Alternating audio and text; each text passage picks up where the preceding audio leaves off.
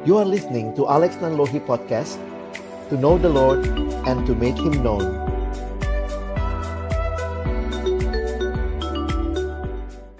Baik, terima kasih. Selamat malam Bapak Ibu sekalian. Terima kasih Pak David yang memberikan pengantar bagi kita. Dan juga terima kasih ada Pak Pendeta Yoel, Pak Pendeta Palute, Ibu Pendeta Kartini, dan juga orang tua kami semua di sini. Ada Pak Jonathan Parapak dan Ibu Ann. Thank you untuk kesempatan bisa share malam hari ini. Saya akan coba bagikan tiga bagian malam hari ini untuk kita akan ikuti sama-sama. Saya terbiasa bicara juga kepada anak muda, sehingga saya ingin juga bukan hanya sampai di konsep, tetapi mari kita coba melihat beberapa implikasi dari apa yang menjadi tema kita hari ini. Saya siapkan satu presentasi untuk kita ikuti dan saya akan membagi dalam tiga bagian. Yang pertama, saya akan bicara tentang agnostik secara umum, dan nanti kita bisa melihat beberapa hal yang membedakan agnostik dan yang lain, seperti yang menjadi pengantar daripada David tadi. Yang kedua, nanti kita akan melihat sedikit bagian ya firman Tuhan menerangi perjalanan kita, perjalanan kita berteologi karena saya pikir tantangan kita bukan hanya agnostik agnostik salah satu tentunya. Dan terakhir kita akan coba sedikit refleksi apa yang kira-kira penting sebagai respon dari gereja khususnya dalam pelayanan kaum muda.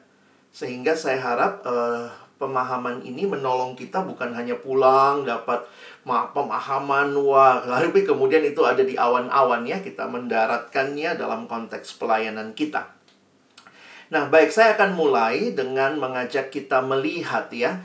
Kalau bicara agnostik, maka pertanyaannya begini, ada nggak sih di Indonesia ya? Bahkan mungkin kalau lebih spesifik lagi, ada nggak ya di gereja Toraja? Nah, karena konsep seperti ini, khususnya di negara yang sangat bertuhan seperti Indonesia, yang sila pertamanya adalah ketuhanan yang Maha Esa, orang di dalam KTP-nya ada aja ada kolom agama. Jadi rasanya tidak mungkin ya, kesannya tidak mungkin orang menulis di situ ateis, agnostik. Nah, ada enam agama resmi kepercayaan yang diakui di Indonesia. Sehingga pertanyaan yang pertama yang saya ajak kita pikirkan, agnostik itu apa? Ada nggak ya di Indonesia? Ada nggak di sekitar kita? Nah, di dalam perkembangan uh, kemajuan masyarakat yang sekarang ini makin terhubung satu sama lain, ternyata ada paham seperti ini yang mungkin banyak mulanya ada di negara-negara barat, itu juga menjadi paham yang dialami atau mungkin mulai diyakini untuk orang-orang yang punya akses dengan banyak informasi dan segalanya. Nah, karena itu tidak ada data resmi. Susah sekali. Saya coba cari data-data bagaimana ya tentang agnostik di Indonesia ini karena tentunya ini sangat berlawanan dengan ketuhanan yang Maha Esa sehingga banyak orang yang uh, belum terang-terangan mungkin menyatakan diri sebagai agnostik tetapi juga sudah mulai ada dan itu ada di YouTube. Kalau kita lihat YouTube sekarang sangat bebas, orang bisa bicara apa saja dan beberapa tahun yang lalu ada data yang dikeluarkan dan ini diangkat di beberapa media. Nanti walau Bapak Ibu tertarik bisa lihat datanya. Saya coba angkat sedikit infografisnya baik di Tirto ID ya maupun juga di suara.com. Dan ini datanya mau mengatakan begini, ternyata di Indonesia negara yang bertuhan ini ada data yang jadi mereka punya web. Lalu kemudian orang yang mendaftarkan diri mengaku mereka ateis itu katanya datanya kurang lebih 1757 orang. Dan tentunya di Indonesia pastinya mereka mungkin sudah punya agama tetapi dalam arti apa yang mereka katakan sebagai agama mereka itu supaya ada tertulis saja di KTP mereka, tetapi pemahaman mereka terkait dengan ateis, agnostik itu menjadi pilihan dari uh, apa ya keyakinan mereka. Dan uh, data ini waktu saya baca cukup menarik ya karena misalnya dikatakan begini ya. Uh, ateis itu dari dari yang disurvei itu ya ada sekitar 36,9 persen agnostik. Nah ini beda. Agnostik dan ateis kan dibedakan ya. Sekitar 20,3 persen. Dan datanya ini ada sedikit beda tetapi yang menarik adalah lulusan universitas atau mahasiswa banyak yang dikategorikan menganut. Jadi orang-orang yang menganut ateis dan agnostik ini kira-kira seperti itu Nah, saya tidak lanjutkan data ini karena memang jujur sekali sulit mendapatkan data tentang ketidakberagamaan di negara yang mengaku beragama ini atau sangat beragama ini. Nah, jadi di sisi lain, kalau kita bilang ada nggak di sekitar kita, kita harus waspada ini ada.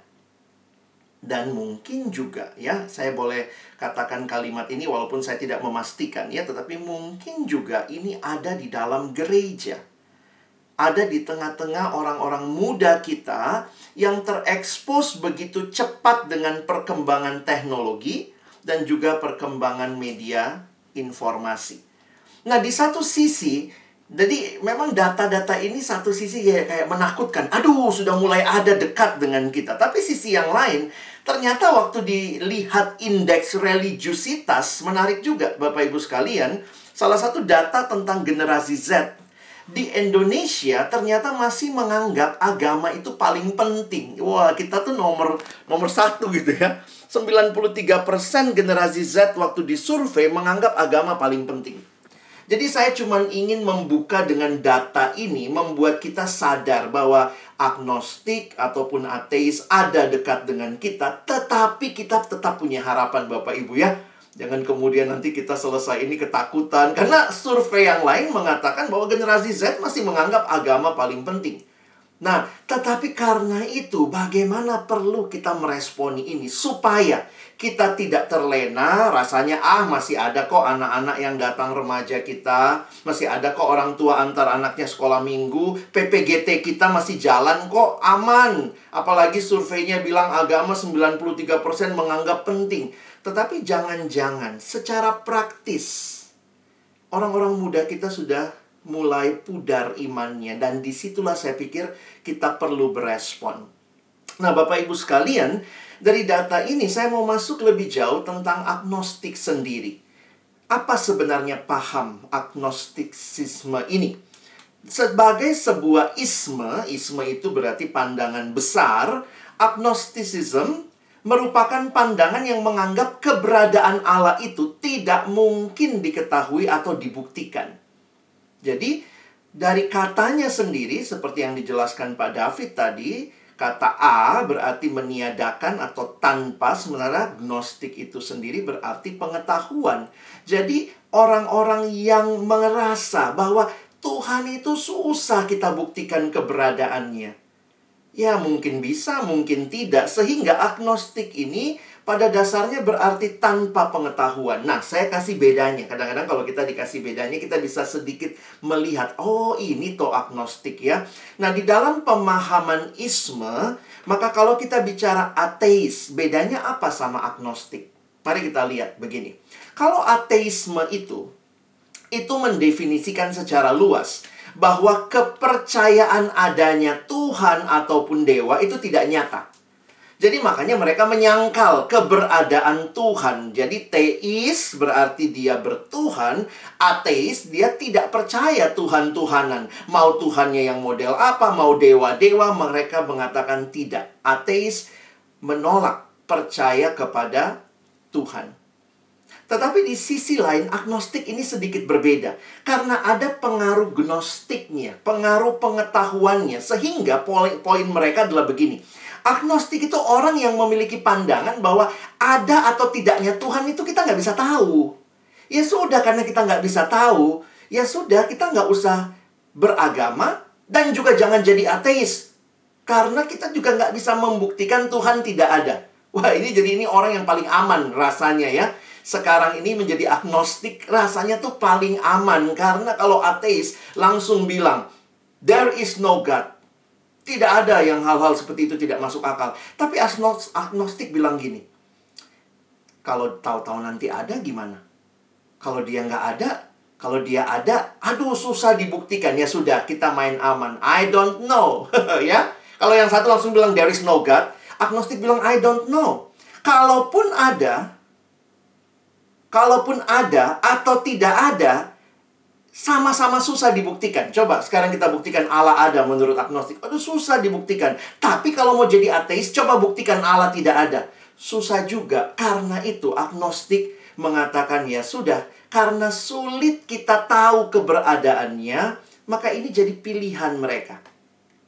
Jadi, ini kalau pakai bahasa kita ya, bahasa anak muda ya, agnostik bedanya sama ateis. Kalau ateis itu langsung bilang tidak ada Tuhan, agnostik bilang mau ada Tuhan kek, nggak ada Tuhan kek, nggak ada urusan sama saya. Bapak Ibu bisa lihat ketegangan ini? Karena itu secara menarik kalau perhatikan perkembangan, memang ini banyak perkembangan di barat. Ada orang-orang yang nggak mau jadi ateis, tapi juga nggak mau jadi teis, maka mereka memilih jalan tengahnya agnostik. Sehingga di dalam, kalau kita taruh dalam uh, garis linier, diagram garis ini, maka agnostik ini di tengah, somewhere in between lah. Jadi kesannya main aman ya dan kenapa ini jadi menarik? Karena menurut uh, data, ya ini sekali lagi kita bicara data. Nah, memang sekali lagi saya tidak dapat data Indonesia karena sulit ya. Kita sulit begitu keluarin data seperti itu pasti Kementerian Agama akan berespon begitu ya. Tetapi data yang ada di luar di mana masyarakatnya lebih bebas. Salah satu menyoroti orang muda, generasi muda. Karena itu satu slide atau satu gambar yang saya dapat millennials are losing their religion. Khususnya para milenial ya, orang-orang yang lahir ya dalam tahun tertentu. Ya kira-kira sekarang anak-anak pemuda kita begitu ya, dewasa muda. Kalau nanti bicara generasi Z itu lebih muda lagi. Nanti sekarang generasi Z nanti ada lagi generasi Alpha yang muncul. Itu sekarang anak-anak sekolah minggu kita. Maka di, di luar negeri, di Amerika khususnya, agnostik itu makin banyak mengalahkan ateis. Karena ateis itu kan kayak melawan apa yang dia juga nggak bisa buktikan bahwa Allah tuh nggak ada. Maka agnostik jadi semacam pilihan buat anak-anak muda yang males daripada beragama. Takutnya nggak suka, lalu kemudian bilang Tuhan nggak ada, nggak bisa buktiin juga. Ya udah agnostik aja. Main aman. Dan kenapa ini terjadi? Nah, kita perlu lihat ya kalau kita tanya, kenapa sih generasi yang muda ini kok sampai seperti itu. Studi-studi yang ada, khususnya di luar negeri, itu menyoroti banyak kaum muda yang mental dari gereja. Entah kemudian sesudah dia keluar dari gereja, dia jadi ateis, tetapi ternyata meningkat yang jadi agnostik. Karena agnostik ini begini, beberapa ciri agnostik ada yang tidak tertutup dengan kerohanian. Sehingga mereka bilang begini, saya tidak beragama. I am agnostic, but I am spiritual. Tapi saya spiritual. Jadi mereka tidak merasa perlu mengidentifikasi diri mereka dengan salah satu agama, tetapi mereka tidak mau kalau mereka dibilang tidak memiliki sebuah kerohanian. Nah, nanti kerohaniannya seperti apa? Nah, ini yang perlu kita pertanyakan. Karena ketika dia menolak Tuhan, Makanya ada yang bilang sebenarnya agnostik itu ateis intelektual. ateis tapi pakai otak. Tapi karena dia pakai otak, dia juga bilang susah dibuktikan. Maka dia pilih jalan tengah. Ya, tetapi entah dia ateis atau agnostik, sebenarnya kedua-duanya pada saat yang sama menolak Allah. Dan waktu bicara menolak Allah, maka sebenarnya manusia pasti punya Allah lain. Tuhan itu sudah tahu ya, manusia ini akan selalu menyembah. Kita itu didesain Tuhan pasti menyembah. Kita tuh makhluk yang tidak ada pilihan tidak menyembah. Pilihan kita cuma menyembah Allah yang benar atau menyembah bukan Allah yang benar. Karena itu, perintah pertama Tuhan kasih ke Israel, jangan ada padamu Allah lain. Karena Tuhan tahu kalau engkau tidak sedang mentuhankan aku, engkau pasti sedang mentuhankan yang lain. Itu desain yang built in. Kita itu dicipta dengan satu apa ya, posture, satu sikap menyembah. Sehingga kalau nggak lagi menyembah Allah, pasti menyembah yang bukan Allah. Itulah berhala. Dan berhala itu bisa apa? Bisa macam-macam termasuk diri kita. Kita jadikan Allah. Makanya ada diskusi menarik. Siapa Allahnya agnostik? Kalau agnostik bilang kami bukan ateis. Lalu kemudian mereka agnostik. Tapi kan pertanyaannya, lalu siapa yang mereka sembah? Ya diri mereka sendiri. Karena pada dasarnya manusia yang tidak menyembah Allah pasti sedang menyembah sesuatu yang lain. Nah, banyak diskusi, banyak artikel Bapak Ibu nanti bisa baca kalau tertarik menanyakan, lalu bagaimana? Kenapa orang-orang ini sampai jadi agnostik? Nah, banyak sekali penjelasan. Baik penjelasan yang melihat faktor eksternal dan juga faktor internal. Tetapi memang yang menarik adalah ini merongrong gereja karena survei-survei yang dilakukan ternyata merongrong gereja bahwa orang-orang yang tadinya bergereja kemudian keluar dari gereja dan menjadi ateis ataupun agnostik. Nah, di sisi lain, kalau uh, Bapak Ibu Saudara memperhatikan, kalau Bapak Ibu memperhatikan juga ternyata uh, cendikiawan atau uh, dari dari golongan orang-orang muslim juga mereka men, men, menakutkan terjadi peningkatan agnostisism pada generasi muda mereka. Jadi bukan hanya kekristenan. Nah, kenapa? Nah, saya ambil, saya nggak di, detail ya, makin dalam satu demi satu. Tetapi Bapak Ibu perhatikan, salah satu alasan yang paling sering muncul dalam bacaan adalah kekecewaan terhadap bentuk agama formal. Kenapa? Dia lihat tuh beragama, Katanya beragama, tapi munafik. Maka orang muda ini mungkin maaf ya beberapa survei di Amerika dan juga dilakukan di Indonesia terhadap uh, orang muda di Indonesia dilakukan oleh BRC ya uh, bilangan research uh, center Bapak Ibu bisa akses beberapa datanya mereka bilang begini orang muda itu mulai malas sama kekristenan gara-gara apa gara-gara melihat kekristenan orang yang beragama kok munafik. Terus yang menariknya begini, siapa yang dia lihat?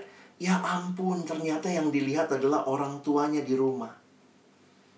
Majelis sih majelis, tapi ternyata di rumah masih pukul istri. Bisa gitu ya. Sehingga anak yang melihat berpikir inikah agama? Jadi agama-agama yang formal, ritualistik, kita harus datang ke gereja sehingga itu kemudian mereka lihat ini apa ini munafik ini.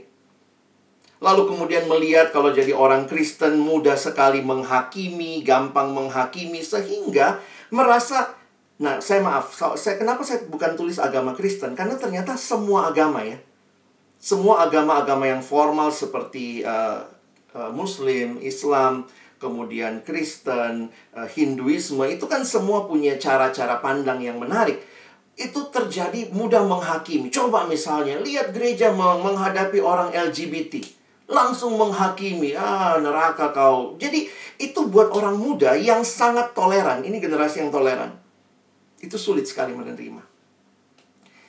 Lalu kekerasan atas nama agama. Ya ampun, kita lihat ya yang satu menyerang yang lain, membakar rumah ibadah satu sama lain. Sehingga anak muda merasa, inikah agama yang ditawarkan? Ah, ngapain beragama? Tapi mau jadi ateis juga nggak cukup nyali dia. Ah, kalau bilang ateis nanti ribet lagi. Ya udahlah, aku agnostik aja lah.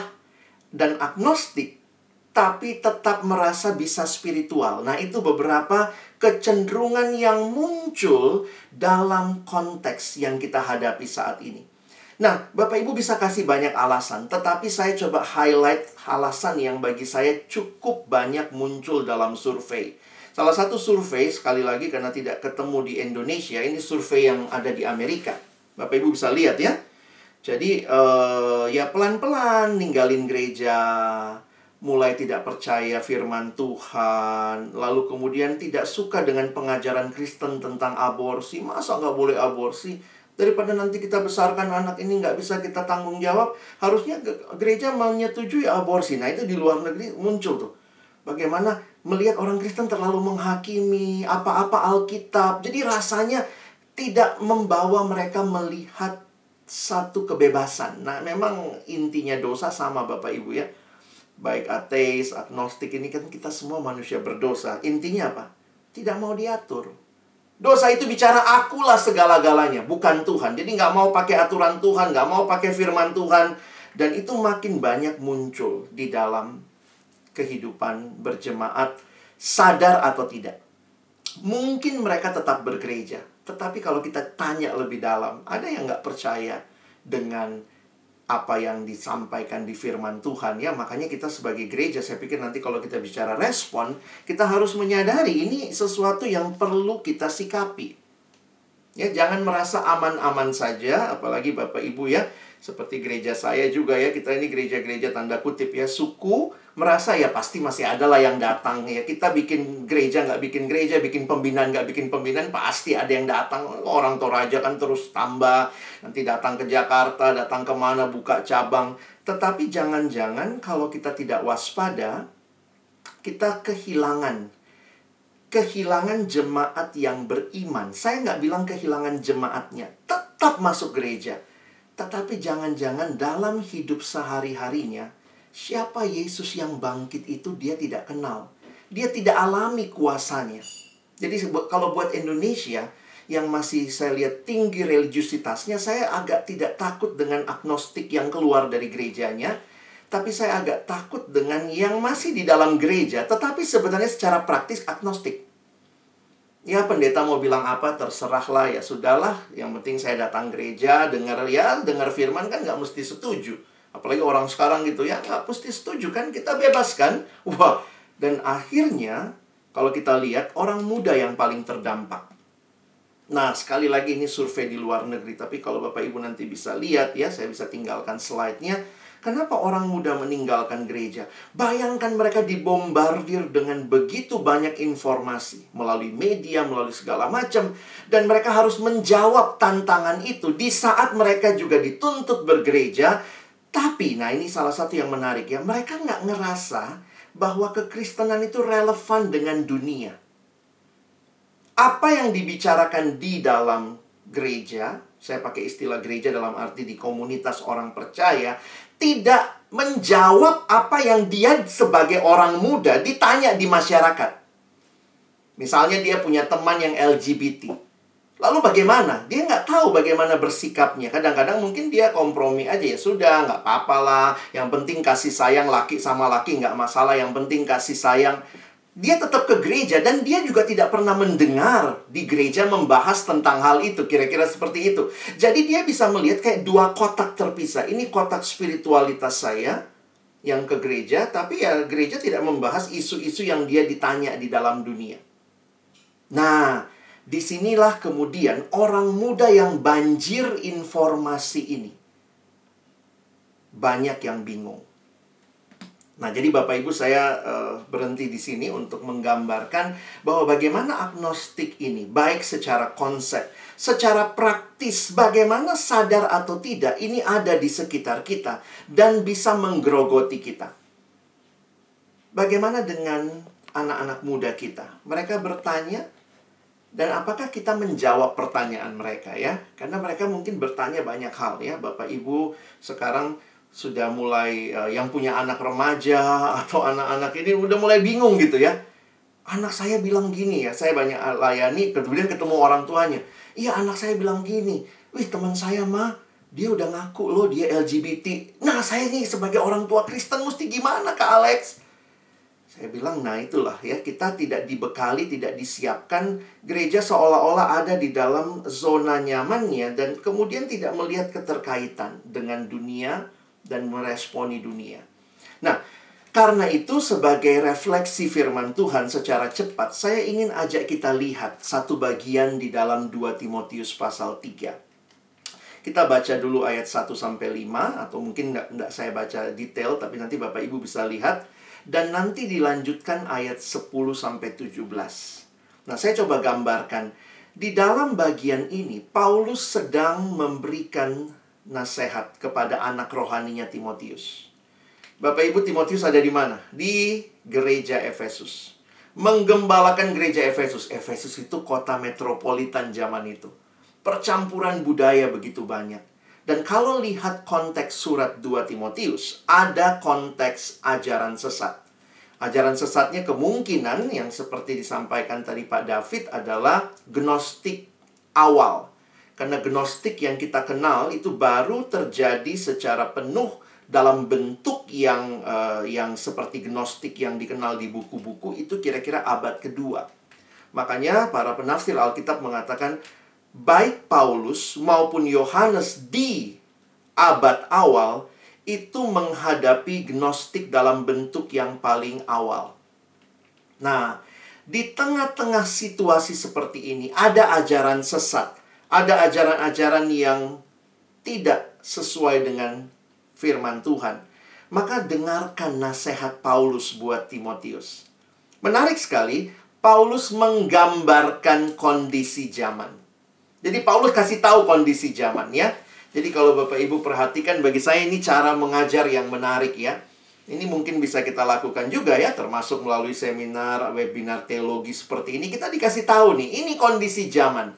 Dan menarik sekali, Paulus menggunakan istilah, ketahuilah bahwa pada hari-hari terakhir akan datang masa yang sukar.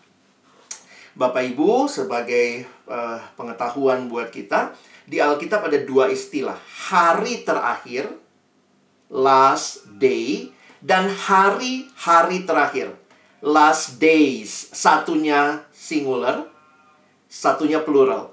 Kalau Alkitab bicara last day, itu berarti, ya kalau bahasa awam kita kiamatnya ya. Kalau hari terakhir itu kiamatnya. Tetapi kalau Alkitab bicara hari-hari terakhir, ternyata itu menunjukkan masa dari Yesus datang pertama kali sampai nanti dia datang kedua kali. Itulah yang disebut the last days. Kalau Alkitab pakai istilah hari-hari terakhir, berarti hari dari Yesus datang pertama kali, sebuah periode sampai dia datang kedua kali. Nah, karena itu, perhatikan ayat-ayat ini bukan bicara nubuat, karena nubuat itu belum terjadi. Tetapi waktu Paulus ingatkan kepada Timotius, Timotius ingatlah pada hari-hari terakhir. Paulus hidupnya di mana? Di hari-hari terakhir. Timotius yang disurati, hidupnya di mana? Di hari-hari terakhir. Kita sekarang juga ada sama di hari-hari terakhir. Periode antara Yesus datang pertama kali sampai nanti dia datang kedua kali. Jadi kita semua ini sedang ada di dalam the last days. Karena itu, waktu membaca bagian ini, ini bukan nubuat yang akan terjadi nanti. Tetapi sesuatu yang sudah terjadi di zaman Paulus. Terjadi juga di zaman Timotius. Bahkan terjadi sampai hari ini di zaman kita. Apa yang sukar? Kata Paulus. Yang sukar itu manusianya, Bapak Ibu sekalian ya. Yang sukar itu manusianya.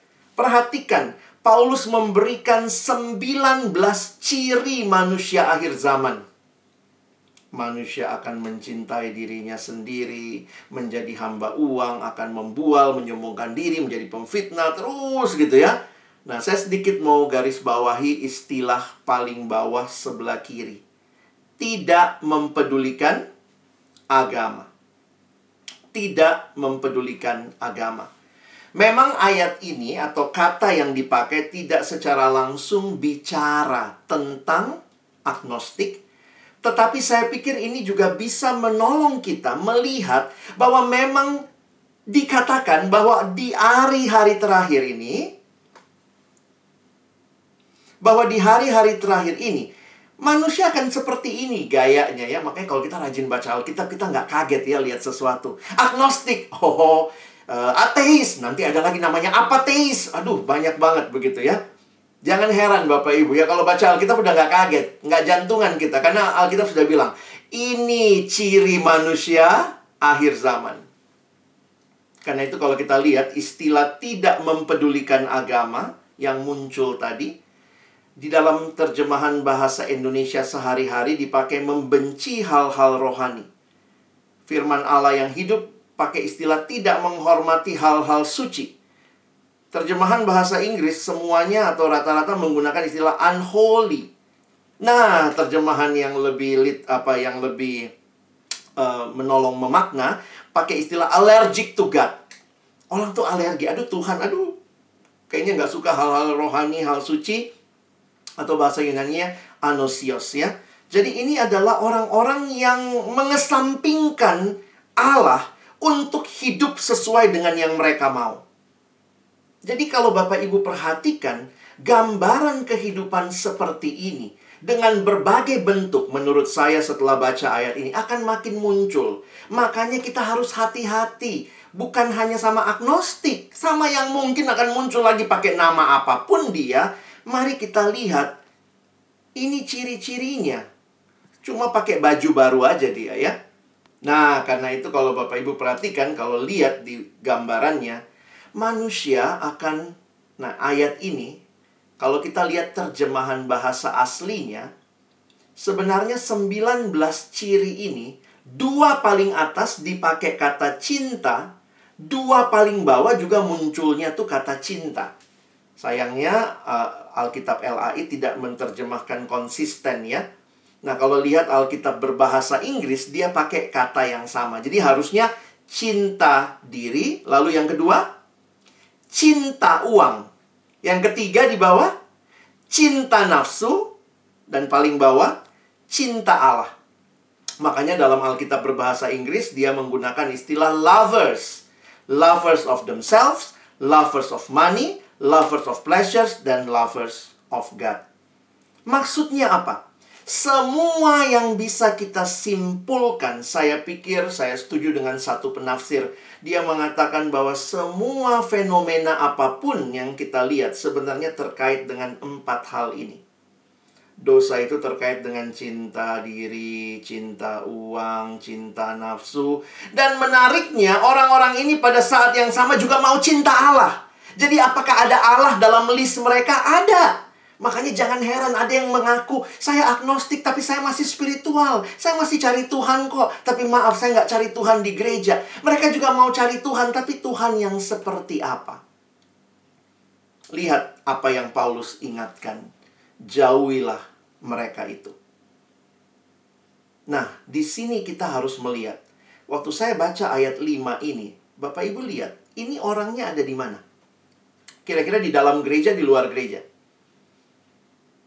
Karena kalimat Paulus begini, secara lahiriah mereka menjalankan ibadah mereka. Jadi ternyata jemaat kita mungkin juga jadi orang-orang yang tidak mempedulikan hal rohani.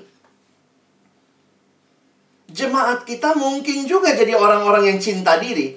Tetap ibadah sih, katanya cari Tuhan, tetapi pada saat yang sama cinta diri, cinta nafsu, cinta uang, dan ini yang harus kita ingat baik-baik Bapak Ibu Saudara sekalian bagaimana bahwa kita bicara teologi ya, tetapi pada saat yang sama kita juga bicara kehidupan yang selaras dengan teologi yang kita pahami. Dan ini menjadi tanggung jawab gereja untuk membawa anak-anak muda kenal siapa Tuhan. Saya uh, langsung masuk ke bagian terakhirnya untuk kita melihat bagaimana Paulus mengingatkan Timotius. Karena kan kayak begini Bapak Ibu kita perlu solusi ya. Lalu bagaimana dong Pak di tengah-tengah dunia yang seperti ini? Bagaimana kita harus meresponinya? Maka Bapak Ibu perhatikan slide ini ya. Maka apa yang menarik? Paulus ingatkan apa yang Timotius butuhkan. Kalau tadi dibukakan kondisi. Nah, bagaimana menolong generasi ini supaya tidak ikut kondisi yang cinta diri, cinta uang, cinta nafsu, harusnya menjadi komunitas yang cinta Allah. Maka Paulus ingatkan sama Timotius tiga hal. Makanya dia munculkan, tetapi engkau, ini kata pembalikan. Timotius, seolah-olah Paulus bilang begini. Di tengah-tengah kondisi seperti ini, kamu Timotius, but you, you are different. Apa yang Tuhan berikan supaya saudara dan saya bertahan? Tuhan kasih komunitas. Maka, ingat, kehidupan iman tidak cukup hanya dibicarakan, tapi perlu ditransfer.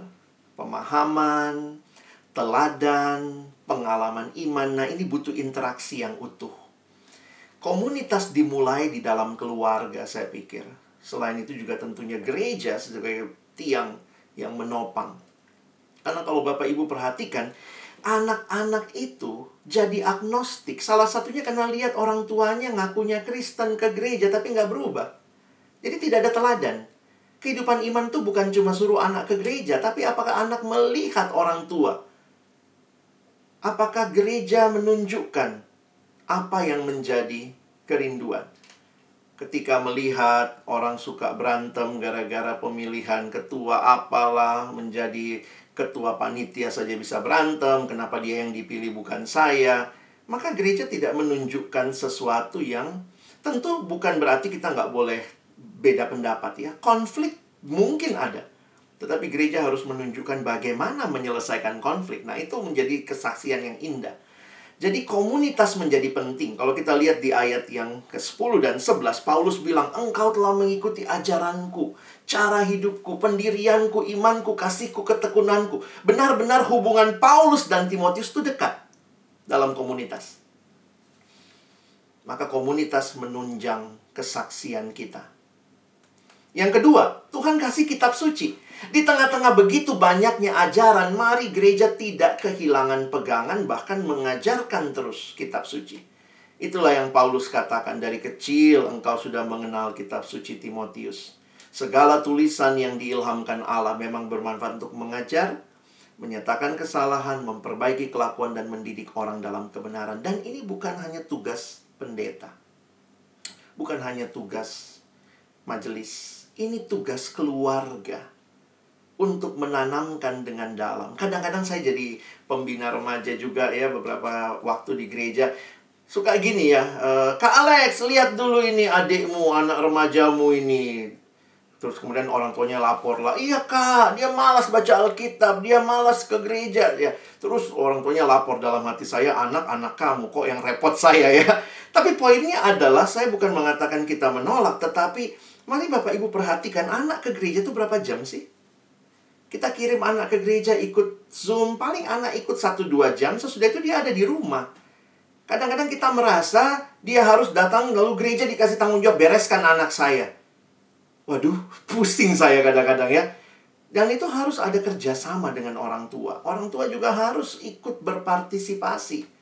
Makanya kalau mengajar sekolah minggu online sekarang orang tuanya dilibatkan ya Nah, bikin video anaknya gitu ya atau apa? Kenapa? Karena jangan sampai ini cuma jadi kayak tanggung jawabnya gereja lalu ya rohani anak saya rusak ya gereja berarti nggak benar. Padahal dia cuma dikirim satu jam, dua jam ke gereja sesudah itu dia ada di rumah, ada di sekolah, makanya perlu kerjasama yang baik. Dengan apakah seorang muda mempertahankan kelakuannya bersih? Dengan menjaganya sesuai dengan firman Tuhan. Dan saya mau masuk yang terakhir untuk kita lihat bahwa penting sekali ya. Dan ini bicara apa yang gereja lakukan, pentingnya identitas. Bapak Ibu perhatikan, ini generasi yang butuh identitas. 2 Timotius 3 ayat 17 ada kalimat yang menarik. Dan dengan demikian tiap-tiap manusia kepunyaan Allah diperlengkapi untuk setiap perbuatan baik. Sebenarnya kata ini, kalau lihat bahasa Inggrisnya Bapak Ibu ya, dia pakai istilah gini. The man of God. Jadi siapa Timotius? Paulus bilang, Timotius, you are the man of God.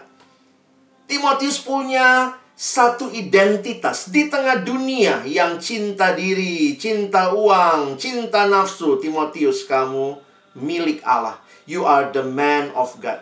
Makanya terjemahannya manusia kepunyaan Allah, manusia milik Allah. Itu identitas yang harusnya anak-anak kita pahami tentang siapa mereka. Kata yang sama muncul di 1 Timotius juga pasal 6. Sayangnya di sini di terjemahannya tetapi engkau manusia Allah. Mungkin kita bingung, "Hah, manusia Allah?" Tapi bahasa Inggrisnya sama. But you man of God. Tetapi engkau manusia Allah itu bahasa Inggrisnya sama. But you man of God. Jadi saya melihat ya, baik di 1 Timotius, baik di 2 Timotius, pentingnya punya identitas yang benar. Maka Bapak Ibu sekalian, krisis identitas dialami oleh generasi ini. Sampai-sampai kok pada milih agnostik karena rasanya lebih aman, lebih tidak karena mungkin juga dia tidak merasa pertanyaannya dijawab di gereja sehingga ini menjadi satu tantangan buat kita ya. Nah, maka melalui firman Tuhan ini saya merefleksikan tiga hal ini yang kita bisa pikirkan.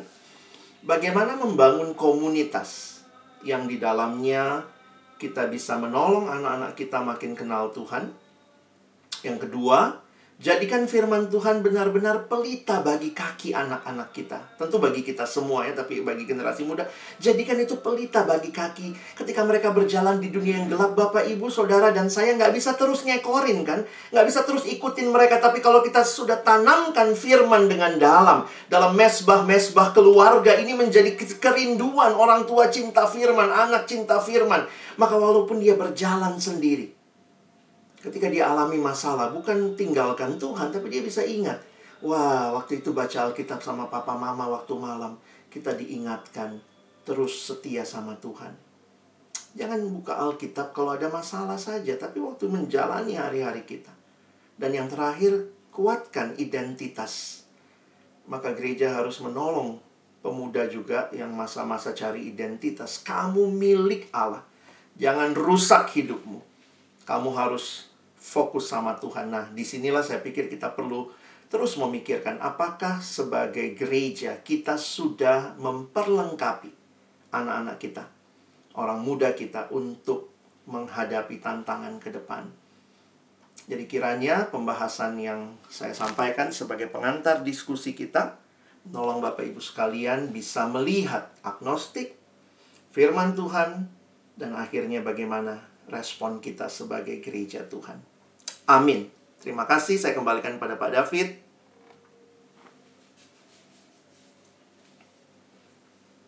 Baik, terima kasih Pak Pendeta Alex atas pemaparannya yang luar biasa. Jadi uh, Bapak Ibu, jemaat, uh, para pimpinan majelis, para pendeta, kita bisa mendapatkan satu informasi pemahaman yang mendalam soal terminologi dan konsep dari agnostik ini ya. Terus tadi sudah ada komparasinya dengan gnostik dan ateis.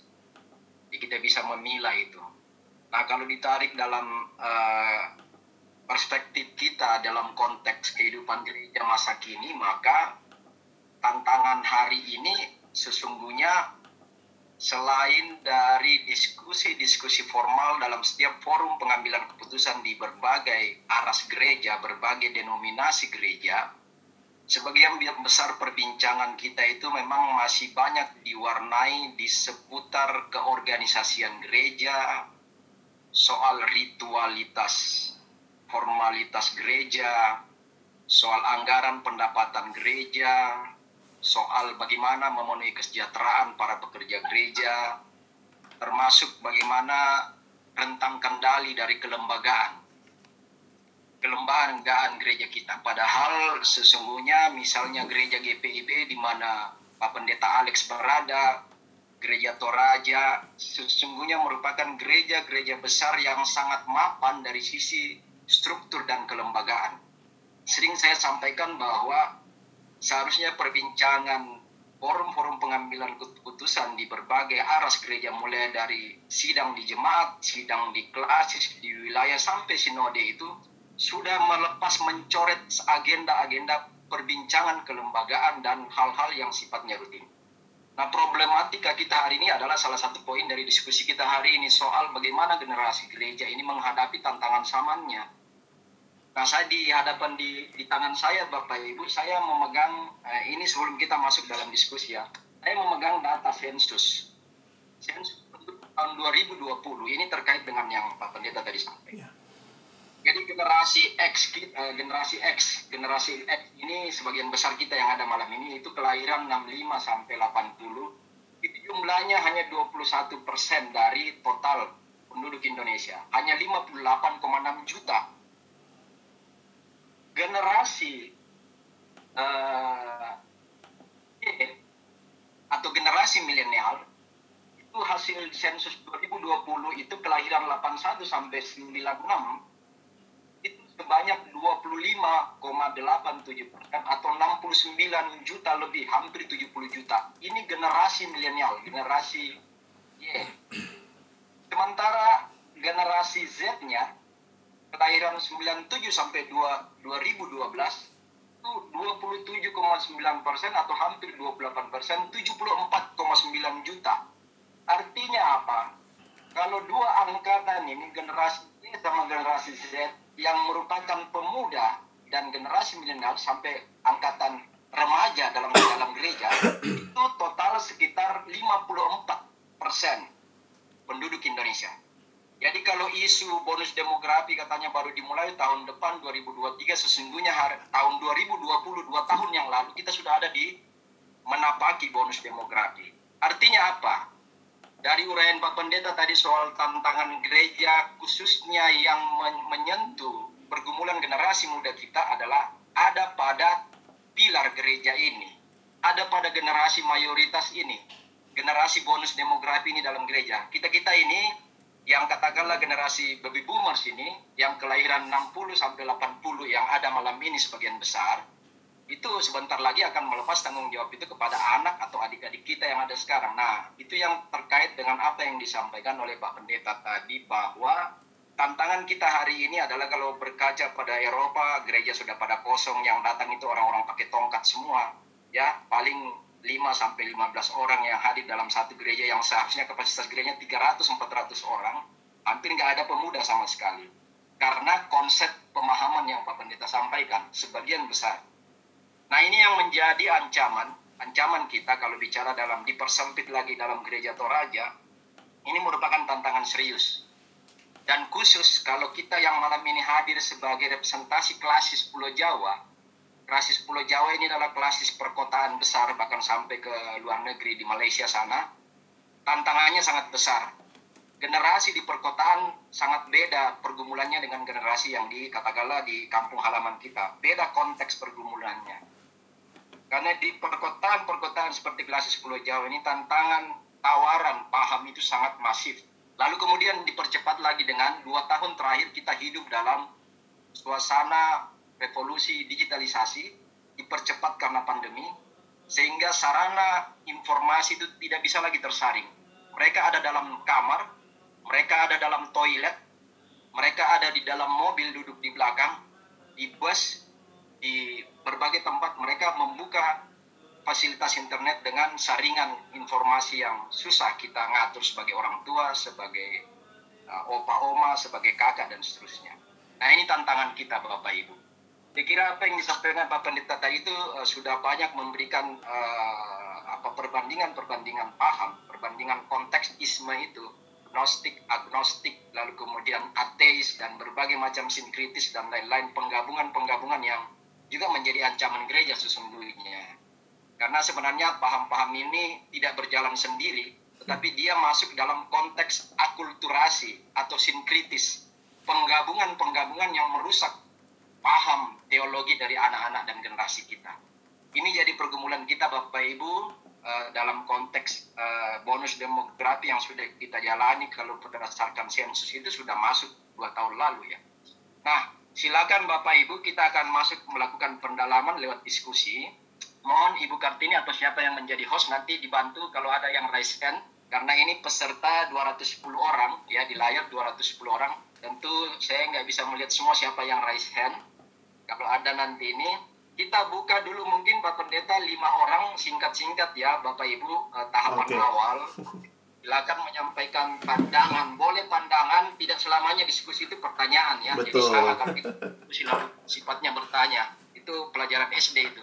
Jadi kalau ada pemahaman yang lain sehingga kita bisa uh, sintesa antitesa melahirkan tesa baru itu uh, sintesa. Jadi kita bisa uh, lebih berkembang. Silakan mungkin ada pandangan yang beda tidak apa-apa. Nanti Pak Pendeta akan memberikan uh, arahan sebagaimana yang dipahami silakan uh, yang resen saya lihat di layar ada Pak Enov ada Pak Oktavianus Munda nanti selebihnya uh, ada Pak Obiantong nanti mohon Bapak Ibu sebutkan nama dan asal gereja ya ke Pak Enov dulu nih silakan Pak Enov Terima kasih Pak David.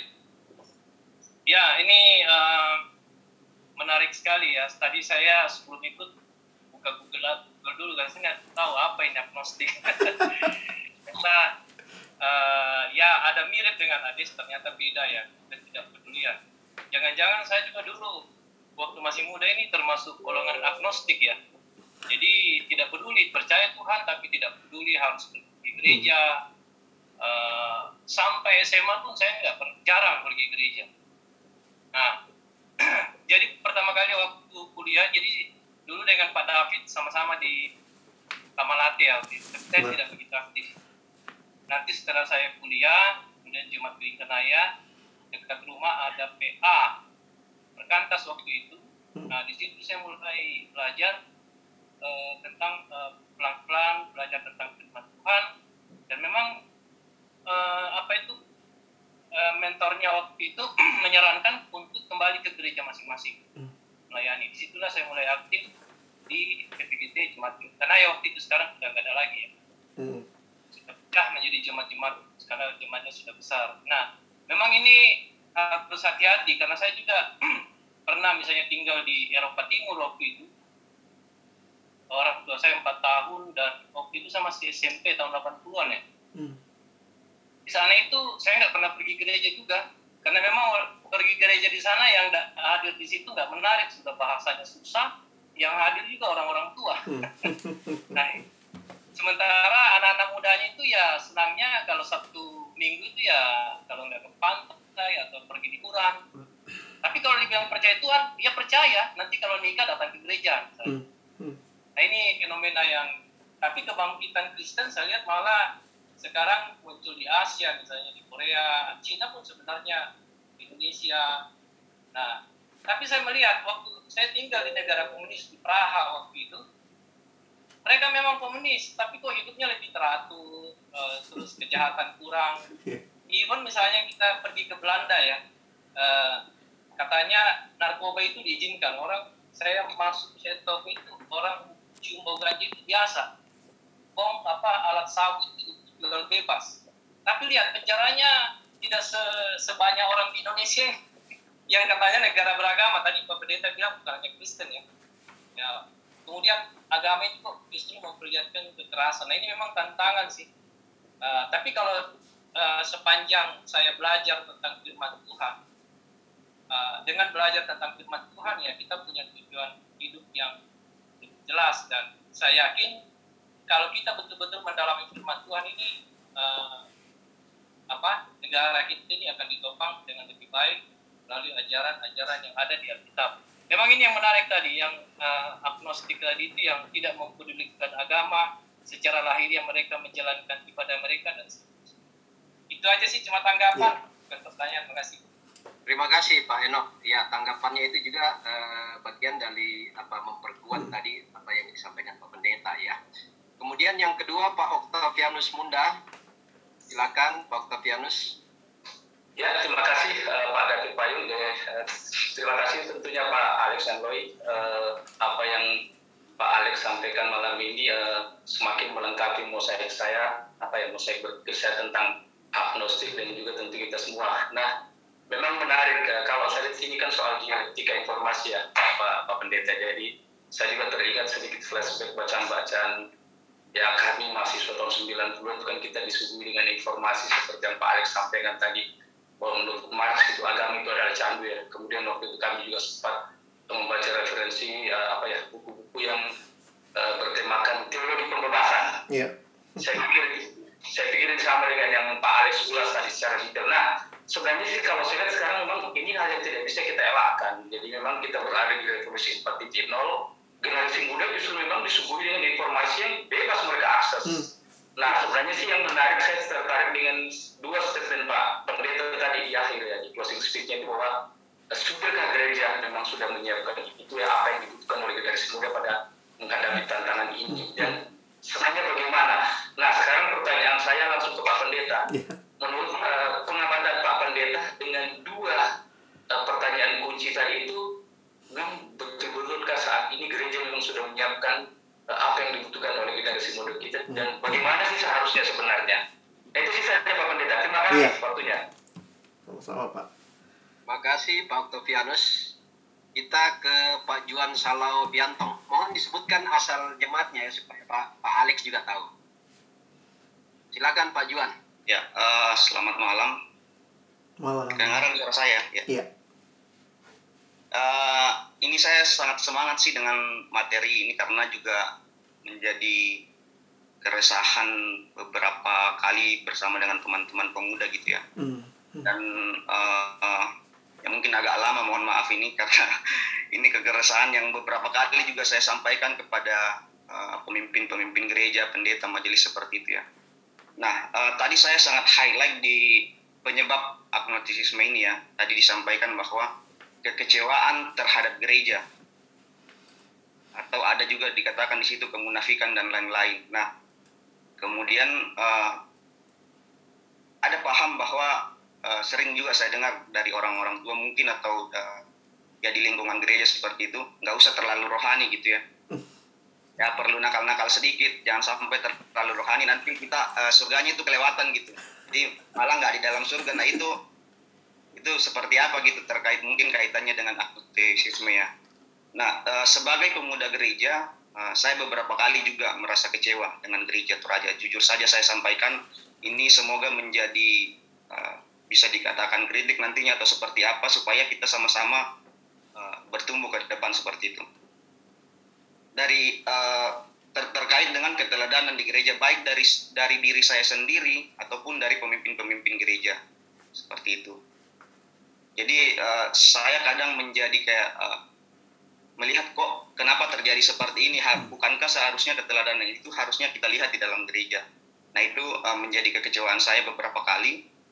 Nah uh, terkait juga saya sering menjadi apa gagal menjadi teladan bagi teman-teman ketika mungkin merefleks, merefleks, merefleks, merefleksikan kembali bahwa oh saya sudah salah Nah, uh, hingga sempat berpikir gitu ya, ngapain ya sama tadi yang disampaikan Pak Alex, ngapain bergereja, ngapain capek-capek pelayanan seperti itu. Ini buang-buang waktu saja karena ya toh kemunif, kemunafikan saja yang kita lihat seperti itu ya.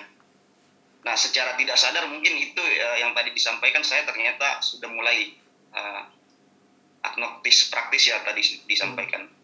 Nah, saya berpikir ya mungkin uh, semoga saya saya saja yang berpikir seperti ini tapi kalau ternyata banyak ya uh, kita baru uh, ini ya, ini dalam rangka 75 tahun Gereja Toraja. Saya juga mungkin ya sedikit pesimis dengan 100 tahun Gereja Toraja. Kalau memang uh, banyak dari kami pemuda-pemuda Gereja Toraja yang uh, memiliki pemahaman seperti ini karena uh, usia pemuda saat ini itu dari rentang uh, 15 sampai 35 tahun. Hmm. Jika yang paling tua di PPGT 35 tahun ditambah uh, 25 berarti 65 tahun ya kalau nggak salah hitung ya. Ya.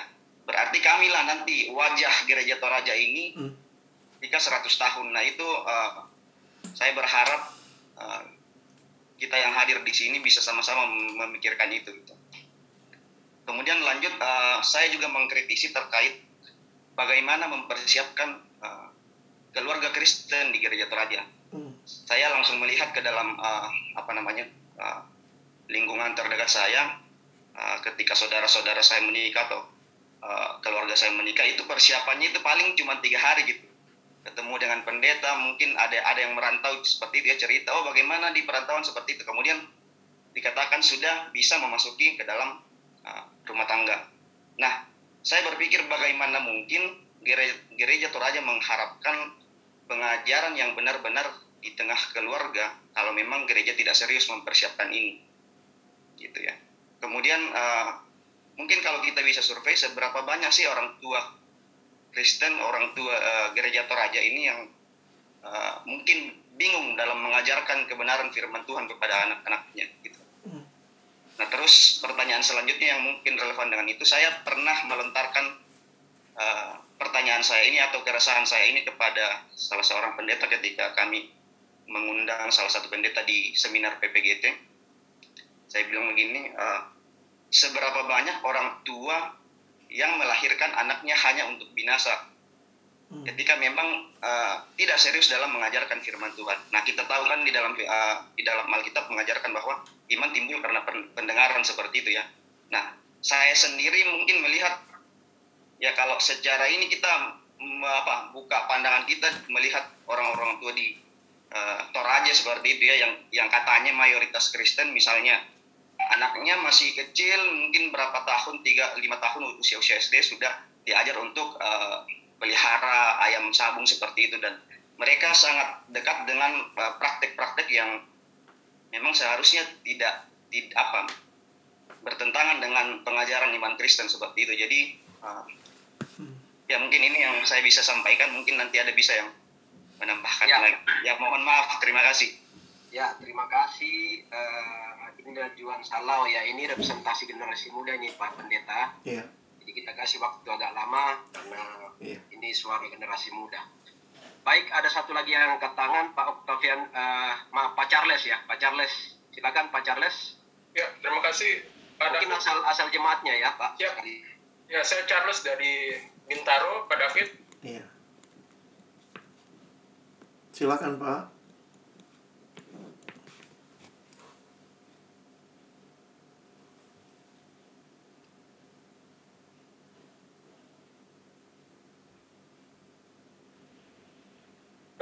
Atmosfer itu memang semakin meningkat ya dan itu bukan hanya untuk di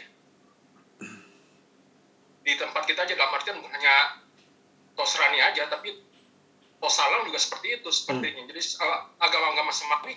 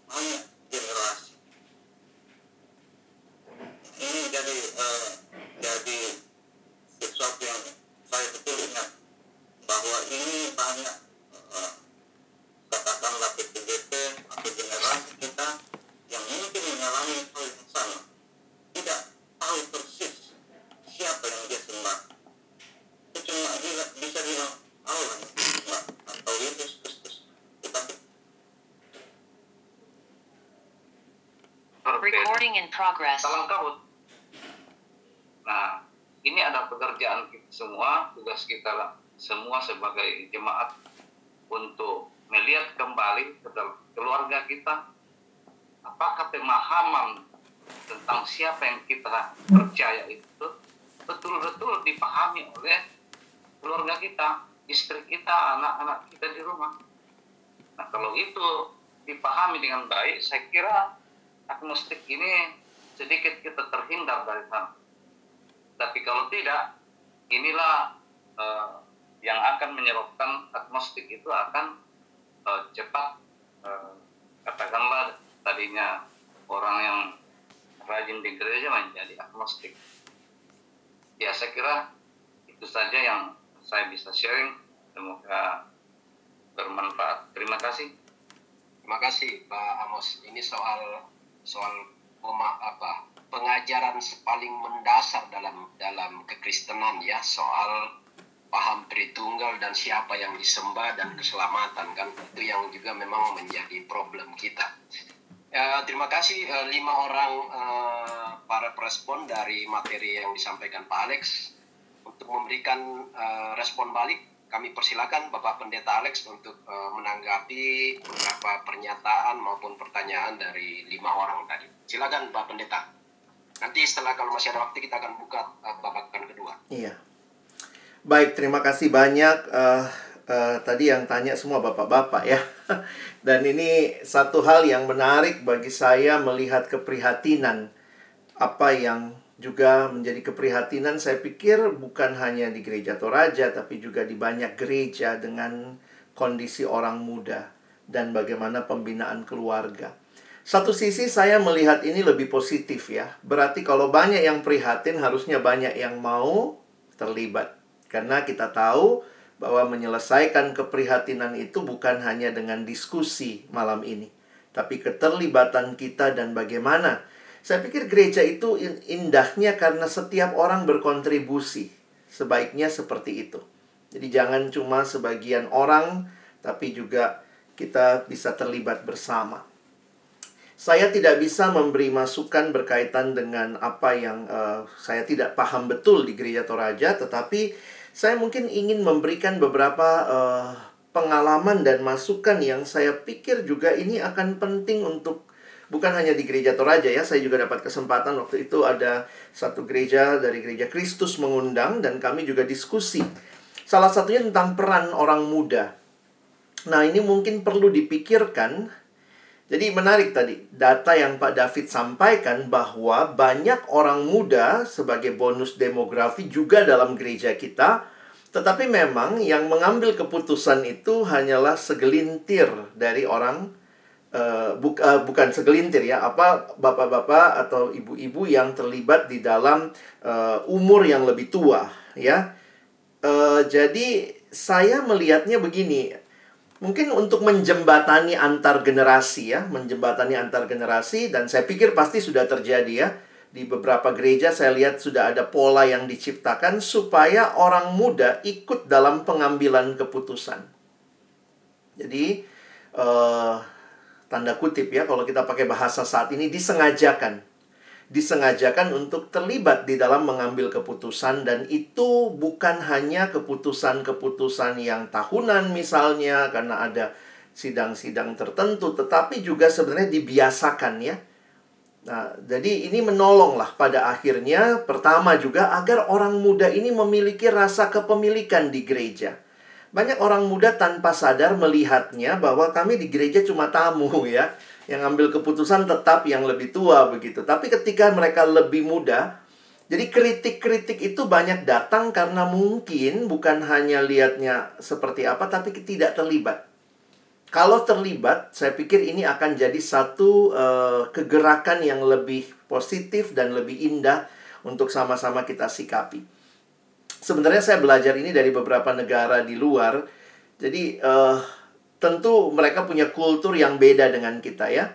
Tapi bagi saya adalah memberi kesempatan kepada yang muda. Nah, itu jadi menarik ya. Kalau di kultur kita di Asia atau mungkin juga di Indonesia, yang tua aja masih berantem uh, kedudukan begitu ya, masih berantem soal ini ya. Jadi boro-boro mikirin yang muda dilibatin ya. Sehingga kita perlu sebenarnya membuat kultur yang baru dengan menyadari bahwa banyak orang muda di dalam jemaat dan mereka juga diberikan uh, apa ya bagian ya. Tentu mesti dipikirkan mekanismenya sistemnya dan seterusnya. Nah uh, jadi saya juga be, kalau sama saya saya coba highlight aja ya. Tentang tentang uh, ajaran-ajaran yang muncul. Saya punya satu slide Bapak Ibu, saya belum share tadi ya. Tapi ini kira-kira satu peta yang menolong kita melihat nanti Bapak Ibu bisa dapat materi saya ya. Nah, jadi ini namanya world view sebenarnya. Ini namanya adalah world view. Jadi setiap orang itu sebenarnya besar dengan sebuah pandangannya tentang dunia yang sebenarnya itu kaitan paling dasar adalah apakah Allah ada atau tidak. Karena world view di dunia cuma terbagi dua.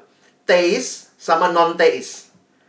Nah, yang teis ini uh, ya kita mulai misalnya God exists. Apakah Allah ada? Kalau yes, maka harus ditanya lebih lanjut. Apakah hanya satu Allah? Kalau dia bilang, uh, apakah lebih dari satu Allah yang hadir? Kalau dia bilang yes, berarti itu pahamnya politeis. Makanya kalau Bapak Ibu lihat yang merah itu adalah ismenya. Apakah Tuhan hadir? Uh, don't know. God exists, don't know. Ya udah itu agnostik. Itu cara cara mudah melihat peta yang terjadi di sekitar kita. Nah, dalam mengkaitkan kita orang Kristen, maka kita harusnya belajar bagaimana worldview atau cara pandang Kristen. Nah, yang saya lihat misalnya ya salah satu uh, kampus Kristen ya tempat Pak Parapak itu meng, uh, mengabdi itu mengajarkan pandangan dunia Kristen yang menyatu dengan kehidupan sehari-hari. Nah, saya pikir itu cara yang baik sekali menolong anak-anak ini melihat bahwa ternyata ada kacamata Kristen memandang dunia. Dan itu yang perlu sebenarnya ditolong kepada keluarga, kepada orang muda, pakai kacamata worldview Kristen yang baru untuk menghadapi kondisi dunia. Karena setiap, jadi saya suka bilang begini, isme itu kayak nawarin kita kacamata memandang dunia. Begitu yang kita pakai ateis, maka semua jadi ateis kan? Ke pengambilan keputusan, apa arti hidup. Tapi begitu yang kita pakai itu adalah firman Tuhan, cara pandang Kristen di mana Alkitab itu bicara penciptaan, bicara kejatuhan, bicara penebusan Yesus dan keselamatan kekal ketika Kristus datang kedua kali, pembaharuan total, maka ini menjadi kacamata yang baru memandang dunia. Nah, itu harus dibangun dari pemahaman akan firman Tuhan yang baik. Karena itu saya setuju dengan apa yang disampaikan tadi betapa pentingnya sejak muda ajarkan firman Tuhan. Dan itu tempat paling awal adalah keluarga. Saya juga kan besarnya di Makassar, saya banyak bergaul juga dengan teman-teman dari Toraja dan saya sendiri aslinya papa saya Ambon, mama saya Manado. Ini suku-suku yang sudah rasanya sudah kenal Yesus dari dulu ya. Tapi kadang-kadang kita masih dengar ya kalimat-kalimatnya apa? Jangan terlalu rajin baca Alkitab, nanti gila. Hah? Jadi orang tua orang tua yang menanamkan nilai-nilai ya sudah ya tadi yang dikatakan nggak usahlah terlalu rohani ya jadi Kristen yang biasa-biasa saja sehingga tanpa sadar ini jadi tantangan buat kita. Saya boleh share beberapa slide sebelum nanti kita lanjut. Nah, saya pikir di sini saya ingin Bapak Ibu Saudara coba lihat sedikit ya apa yang uh, perlu kita bisa pahami sama-sama. Uh, ini ketika saya dapat kesempatan di Gereja Kristus, mereka bikin seminar orang muda juga. Nah, temanya menarik ya eh, sorry. Kaum muda, masa depan gereja, dan gereja masa depan. Benar tadi ya, wajah gereja masa depan ya itulah wajah pemuda sekarang. Sehingga kalimat dari uh, Franklin Roosevelt dia katakan we cannot always build the future for our youth, but we can build our youth for the future. Kita bisa membangun orang muda kita yang nanti mereka akan membangun masa depan. Maka Alkitab bicara ayat ini. Didiklah orang muda menurut jalan yang patut baginya. Nah, menarik sekali karena kata didik di sini Alkitab berbahasa Inggris menggunakan istilah train up a child. Bukan bukan hanya teach, bukan hanya mengajar dalam pengetahuan, tetapi ada unsur training di dalamnya ada ya teladan, ada latihan begitu ya. Jadi kalau kita membiasakan hal seperti ini, kalau Bapak Ibu tadi lihat slide saya yang ini, sebenarnya ada solusi paling kanan bawah tuh. Saya besarkan ya. Ada pengharapan. Ketika kita lihat orang muda tinggalkan gereja, kita perlu membekali generasi muda dengan firman Tuhan. Gak ada cara lain ya. They find strength to stand against these attacks. Maka let us proclaim this message. God offer true life, joy, and purpose in following Jesus. Nah, ini pertanyaan saya. Apakah program utama pelayanan kaum muda dalam gereja saudara sudah menjawab kebutuhan kaum muda? Apakah kita menggaruk di tempat yang gatal? suka gitu ya kita menggaruk taunya bukan itu yang gatal saya suka minta tolong istri kalau pas di punggung tolong dulu ma eh, tolong istri eh, garuk ya begitu dia garuk eh bukan situ yang gatal ya kanan sedikit gitu jangan-jangan kita harus memikirkan ulang karena pemahaman dan pengenalan yang dalam akan generasi menentukan bagaimana melayani mereka nah saya kasih satu contoh saja ya jangan-jangan kita hanya menyentuh permukaan kita tidak menyentuh hati mereka. Kebutuhan generasi ini, kalau Bapak Ibu perhatikan, nah ini, perhatian, kesempatan penerimaan pendampingan, dan salah satu kuncinya yang saya lihat adalah ini. Mari belajar mendengar. Tuhan kasih kita dua telinga, satu mulut supaya kita mendengar, termasuk mendengar orang muda. So, so, satu buku yang kami terbitkan, Bapak Ibu bisa cari bukunya kami terbitkan dalam bahasa Indonesia. Ini penting sekali dibaca uh, kalau tertarik melayani orang muda. Memang pendetanya ini pendetanya funky ya, ada tatonya lagi ya, nggak bisa jadi pendeta gereja Toraja ini kayaknya ya. Namanya buku The Passion Generation. Nah, pendeta Grant Skeldon dia generasi milenial dan dia tulis tentang generasi milenial dan kepada generasi yang lebih tua. Nah, ini salah satu uh, dibikin kartun ya. Everyone is talking about millennials. Orang muda itu begini, begini, begini, begini. But no one is listening to them.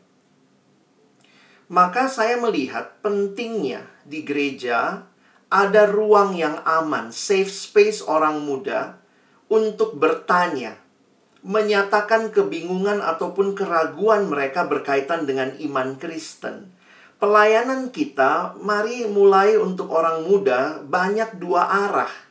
Banyak mendengar. Bukan cuma satu arah, saya bicara kau dengar ya, pokoknya begini ya.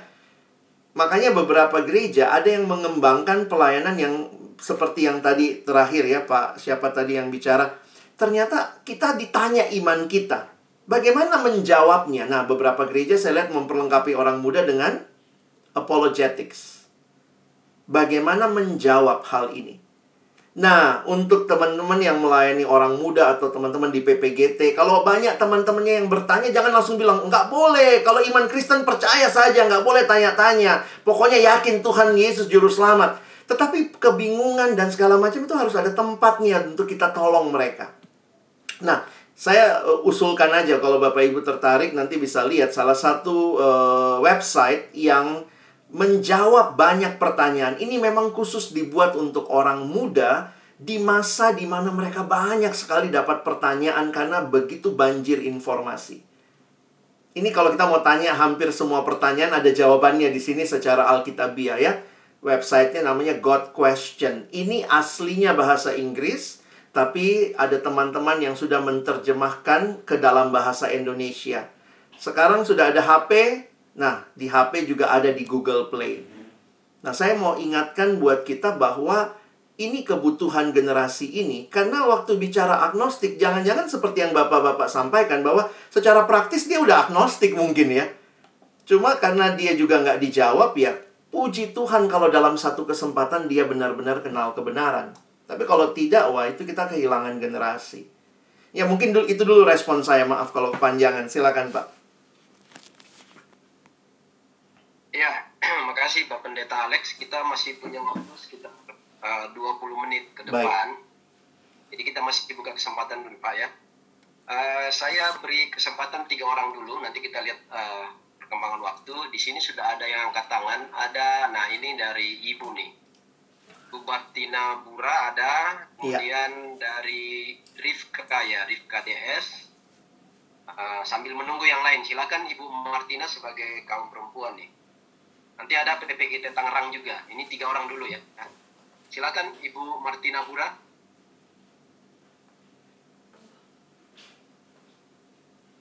Halo, Ibu Martina. Kita putar kalau gitu. Ibu Rifka dulu. Siapa? Rifka DS ya? Rifka DS. Ya, uh, ya selamat malam. Uh, malam. Saya Rifka dari Gereja Toraja Jemaat Warakat. Uh, saya setuju banget tuh apa namanya peran orang tua uh, warga dalam mendidik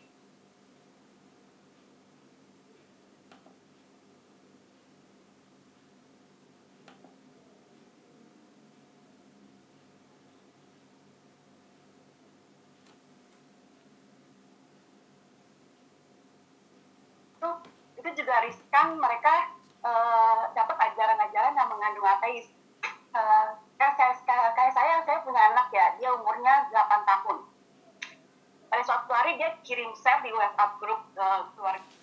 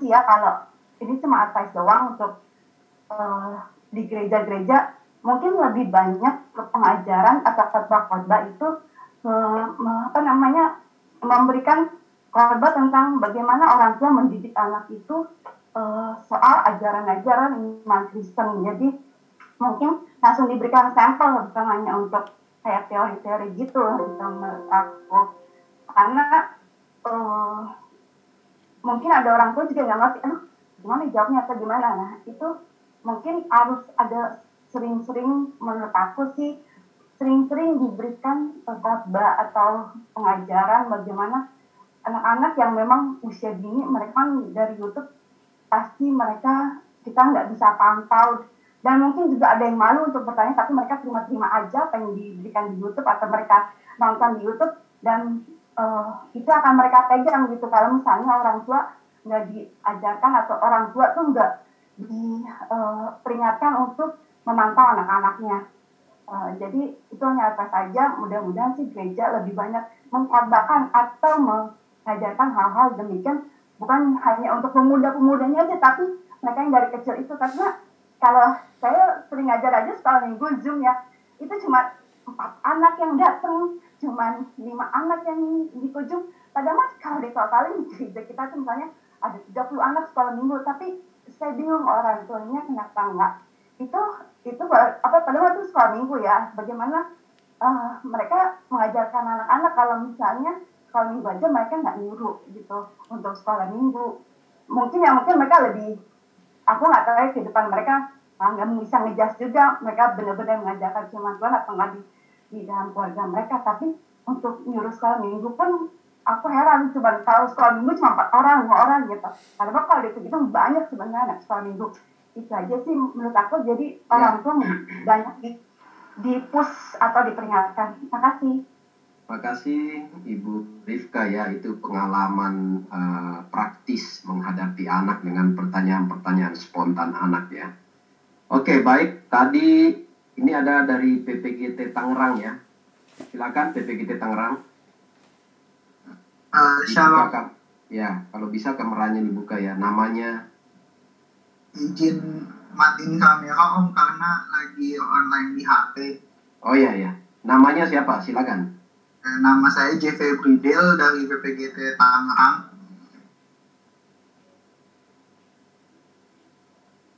Lanjut, lanjut. Ya.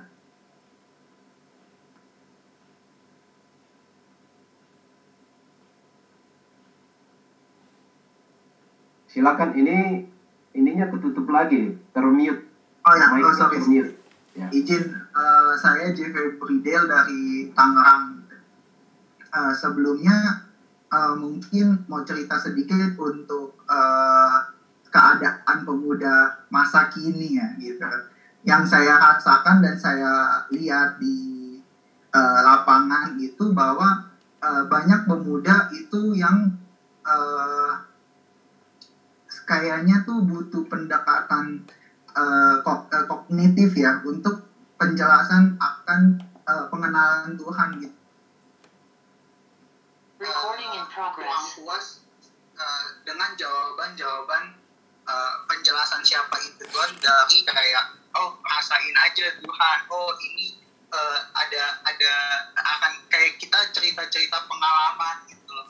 Mungkin beberapa pemuda zaman sekarang tuh uh, kurang bisa uh, menerima gitu uh, penjelasan dari dengan pendekatan tersebut gitu. Dengan pendekatan uh, feeling atau perasaan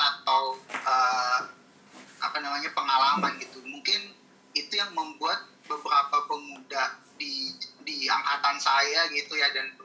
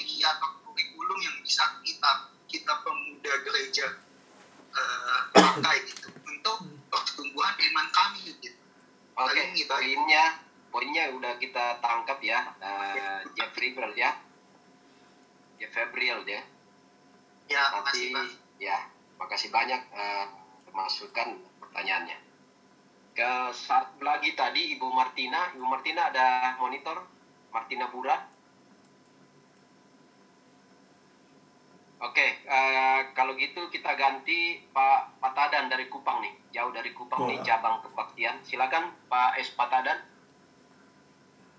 Shalom. Shalom, shalom. Langsung shalom. Pak. Terima kasih atas kesempatan yang diberikan. Uh, saya masuk ke dalam satu permasalahan saja. Yang pertama itu, itu saya setuju bahwa sebagai tulang punggung pengajaran agama Kristen adalah keluarga. Uh, itu kalau kita bersama-sama dengan anak istri di rumah. Uh, seperti saya kan, saya terpisah dengan anak. Anak saya sekarang aktifnya di Jatiwaringin, Jakarta. Ya, karena dia kan uh, sudah kuliah. Uh, kami tidak uh, bisa memang memantau secara langsung sebenarnya pengajaran apa yang diterima sana. Uh, minta maaf kepada Ketua Ringin karena kami tidak bisa memantau secara langsung. Mudah-mudahan apa yang kami harapkan di rumah, di rumah tangga kami, itu yang diterima di sana. Yang kedua, anak muda sekarang itu istilahnya dunianya bukan dunia itu selebar daun telinga.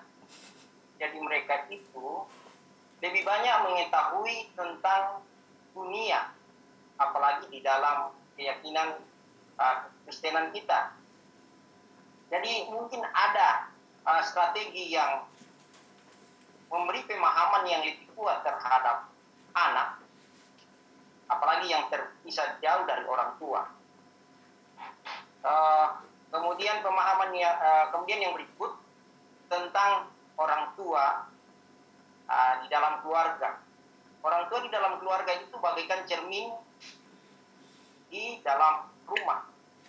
Jadi sebenarnya kalau umpamanya orang tua yang memberi contoh yang terbaik terhadap keluarga, itulah yang terbaik. Beristimewa kepada keyakinan kita sendiri. Apa yang kita yakini harus dibuktikan di dalam keluarga bahwa itulah Tuhan yang kita percayai yang bisa memberi kekuatan memberi apa yang kita minta. Itu bisa dibuktikan. Uh, terkait dengan tema uh, pembacaan hari minggu tadi ada pertanyaan bahwa siapa yang pernah menderita karena Kristus? Itu harus ada keyakinan bahwa Yesus itu memberi kekuatan dalam kehidupan kita.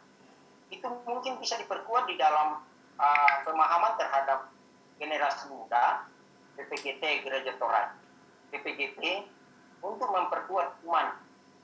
Kira-kira pengajaran apa yang harus membuktikan dan harus diperkuat di dalam? Jemaat terima kasih. Baik terima kasih Pak dan uh, Pak Pendeta. Ini tiga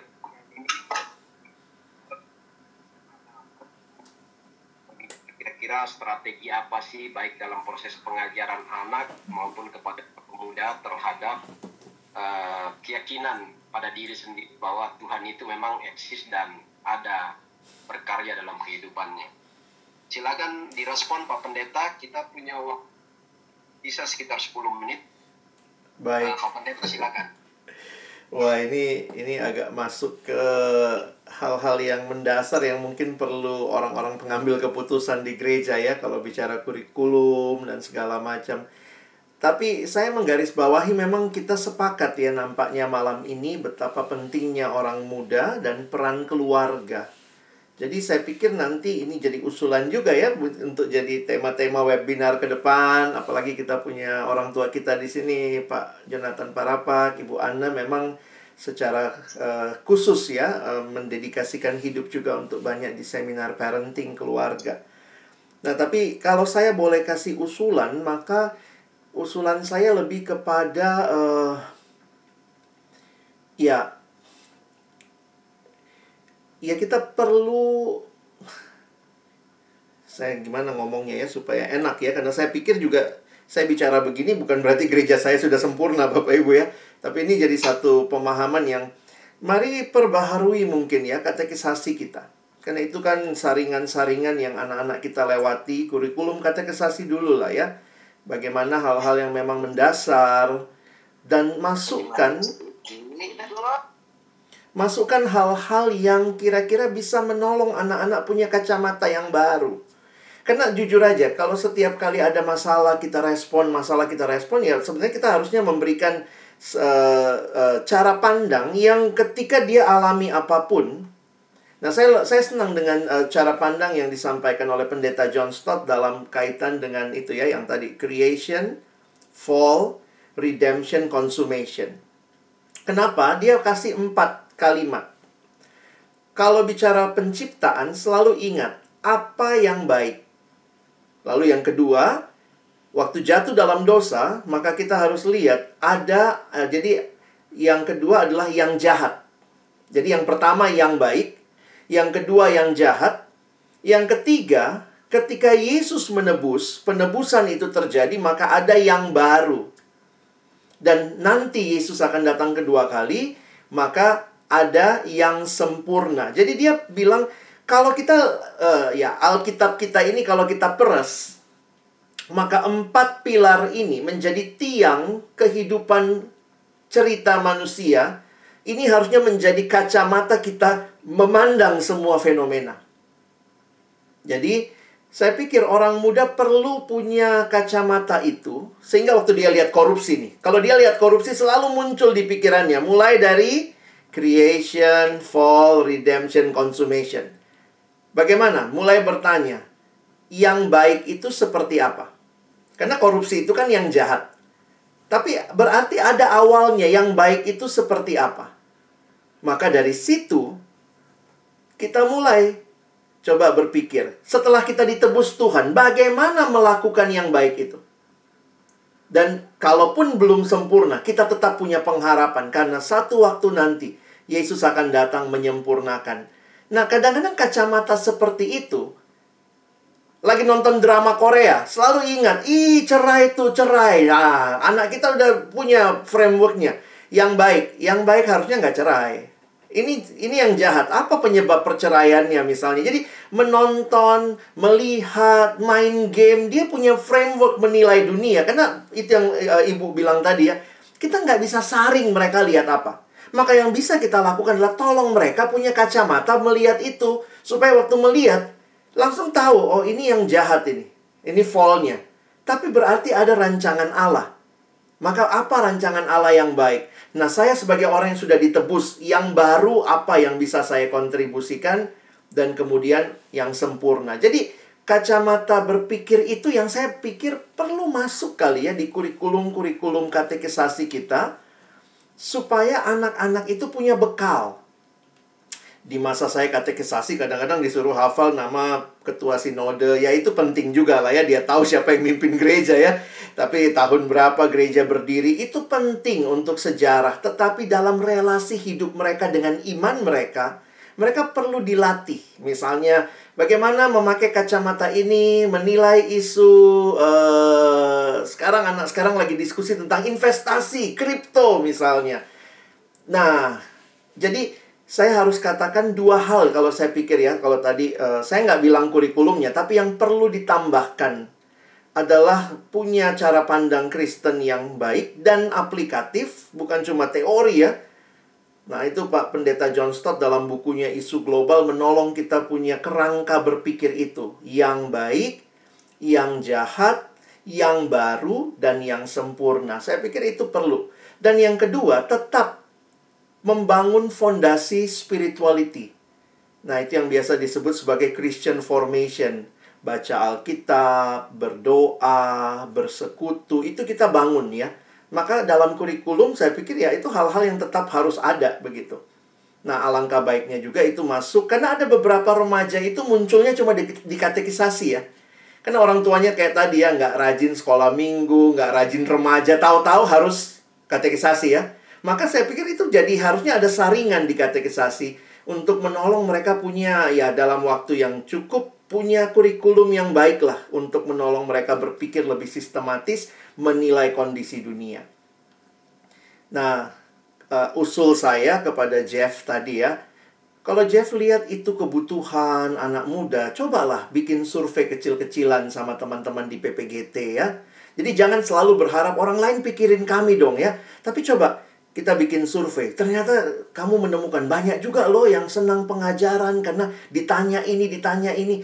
Nah, lalu coba hasil survei, bikin proposal, ajukan jadi program di PPGT. Jadi, kita sendiri tidak menunggu masa nih pendetanya nggak pikirin kami padahal kami butuh ini kadang-kadang kan pendeta juga banyak kerjanya ya jadi kita sama-sama saling membangun kamu yang punya visi kamu lihat temanmu butuh apa ayo kita sama-sama kontribusikan Nah, mengenai keluarga, saya pikir selain parenting sebenarnya memang itu ya, bangunlah keluarga yang cinta Tuhan dari hal-hal yang sederhana saja ya. Seminggu sekali mungkin kalau ada kesempatan baca Alkitab sama-sama berdoa. Saya nggak bilang terlalu ideal lah mungkin kalau sehari setiap hari, tetapi cobalah membangun uh, satu sikap di mana kita sebagai keluarga tuh fokus kepada firman Tuhan. Sebenarnya di Alkitab itu bukan hanya tugas salah satu orang tua. Di masyarakat modern kita suka begini. Udahlah, yang penting mamanya yang ngurus anak-anak, ajarin Alkitab, bapaknya cari uang. Di Alkitab, ayah-ayah itulah yang harus mengajarkan kebenaran. Sebenarnya begitu ya. Nah, tentu kalau ibu membantu ya sebenarnya, tapi di masyarakat modern kayak subkon. Bapaknya nggak rohani, yang penting mamanya tahu Alkitab. Lah, makanya kayaknya banyak anak-anak kehilangan figur bapak. Dan figur bapak yang rohani, ah itu langka di jemaat. Saya harus jujur mengatakan itu langka. Karena ya seperti tadi ya, bapak masih bergumul, sabung ayam, masih suka judi, masih suka minum. Yang penting mamanya rohani, berdoa, suaminya bertobat. Anak lihat itu kira-kira apa yang ada di hatinya. Maka tentunya kita merindukan keluarga yang berakar di dalam Tuhan dan itu ya mungkin nanti Bapak Ibu di di di klasis atau di sinode bisa berpikir lebih jauh lagi ya masukan-masukan ini bahwa mungkin kita perlu mungkin uh, seminar parenting. Kalau saya salah satu yang dilakukan adalah di gereja ya membiasakan pertemuan anak remaja, orang tua dan kami kakak-kakak pembimbing remaja. Jadi itu satu tahun dua kali itu biasanya. Jadi kita tidak hanya kamu orang tua tuh bukan cuma titip anaknya sama kami kami harus menolong juga orang tua. Ini loh yang kami kasih. Jadi kami setiap uh, semester cerita. Semester ini kami akan ajarkan anak-anak seperti ini. Mohon dukungan Bapak Ibu ya. Jadi kita membangun uh, sinergi bahwa uh, gereja, keluarga itu sama-sama punya tugas membesarkan anak-anak di dalam kerohanian. Jadi apa yang kami ajarkan orang tua juga harusnya menegaskan di rumah. Kira-kira seperti itu.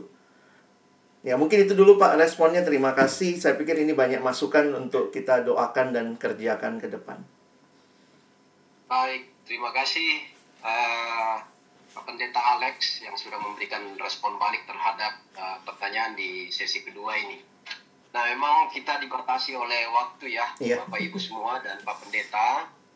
Kita sudah jam 8 lewat 5. Yeah. Uh, tetapi di sini ada orang tua kita, Om Parapak yang saya lihat masih monitor juga bersama Tante Ana ya. Bu Ana juga masih setia. Uh, mungkin saya beri kesempatan uh, 3 sampai 5 menit mungkin ke Om Parapak kira-kira ada hal-hal yang mungkin sangat penting yang Om Parapak bisa titipkan ke kita semua selaku jemaat terhadap konteks poin yang disampaikan oleh Pak Pendeta Alex ini. Silakan Om Parapak mumpung Om masih gabung, kita pengen dengar uh, ya titipan dan apa yang menjadi pandangan Om terhadap diskusi ini. Silakan Om. Baik, terima kasih. Terima kasih rekan saya Pendeta Alex. Kami ini kan pelayanan. Kasih. Untuk Mungkin ada dua hal yang saya ingin sampaikan dari pengalaman. Pertama tadi sudah disampaikan mengenai peran orang tua. Dan di di sinilah sesungguhnya sang gereja perlu memikirkan secara komprehensif jadi oleh karena itu kami membentuk satu kelompok namanya LIFE lembaga family education yang baru tadi kami mengadakan juga ya kelompok membahas bagaimana kita belajar dari Tuhan Yesus untuk ya untuk kehidupan untuk keluarga. Saya pertama sehingga ya saya kira ya Pak Pak David tahu ya saya betul-betul banyak menyarankan di gereja Toraja mengenai masalah keluarga. Ya dan kami sudah balik ke Toraja beberapa kali berbagi jemaat mengadakan ya pembinaan keluarga. Tapi saya kira ini harus berlanjut di jemaat, tidak saja on and off. Karena ini diperlukan. Khususnya bagaimana sekarang ini mendidik anak-anak dalam suasana yang baru. Nah, yang kedua, memang sebagai pengalaman, kami kan sekarang ini di UPH mendidik para guru yang betul-betul dipersiapkan sebagai missionary ya ke seluruh Indonesia. Jadi mereka kita terima dari seluruh Indonesia dan saya bersyukur betul-betul mereka bertumbuh selama empat tahun di UPH dan siap dikirim seperti missionary ke daerah-daerah. Artinya peran pendidikan yang betul-betul komit kepada apa yang kami namakan di UPH Christ Centered Education yang transformatif yang mempersiapkan ya mahasiswa dan dalam hal ini untuk menjadi guru menjadi berkat di seluruh Indonesia termasuk di Toraja. Jadi ya saya dulu ketemu dengan bupati kalau bisa setiap tahun 100 dari Toraja tapi sampai sekarang cuma sekitar 30 dari Toraja dan itu ya sudah ya tersebar di seluruh Indonesia untuk menjadi guru-guru yang dipakai oleh Tuhan.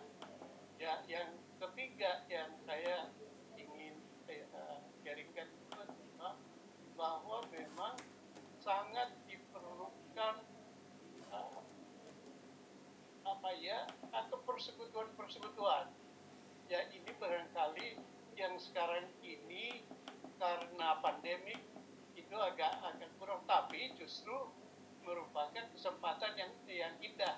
Yang mengadakan persekutuan di di kami. Saya dari rumah ini sudah dua tahun kerja dari rumah tapi tidak berarti tidak pergi ke mana-mana.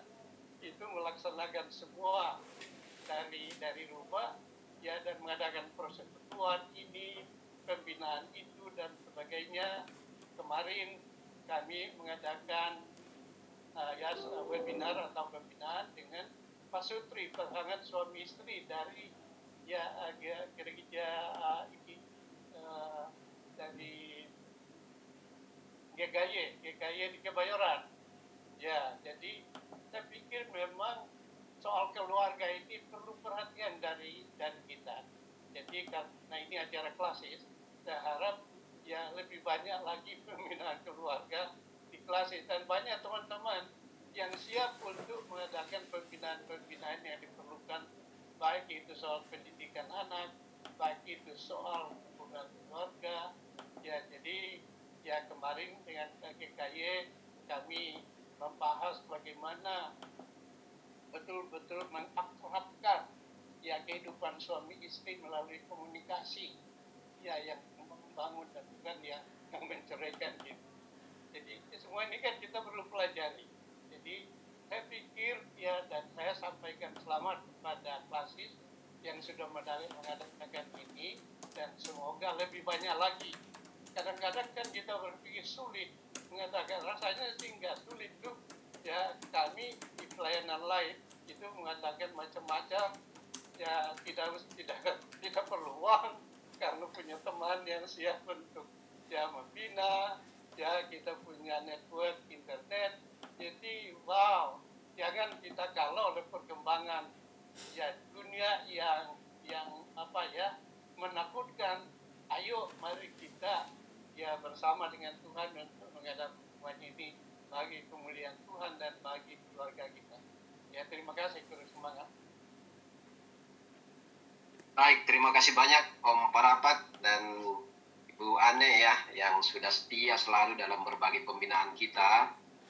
Baik itu di tingkat jemaat, di lingkungan tingkat klasis maupun di uh, skop sinodal di Gereja Toraja ya. Banyak hal, banyak perubahan-perubahan yang sudah terjadi yang secara sporadis pembinaan-pembinaan yang dilakukan oleh Om Parapat dan Tante Ane. Terima kasih banyak buat uh, kebersamaan malam ini dan juga kepada Pak Pendeta Alex sekali lagi terima kasih atas uh, membagi ilmu dan pengalaman Bapak uh, dalam rangka memperkuat uh, pengembangan persekutuan di gereja Toraja khususnya bagaimana mengantisipasi perkembangan-perkembangan konteks pergumulan kekinian gereja ya.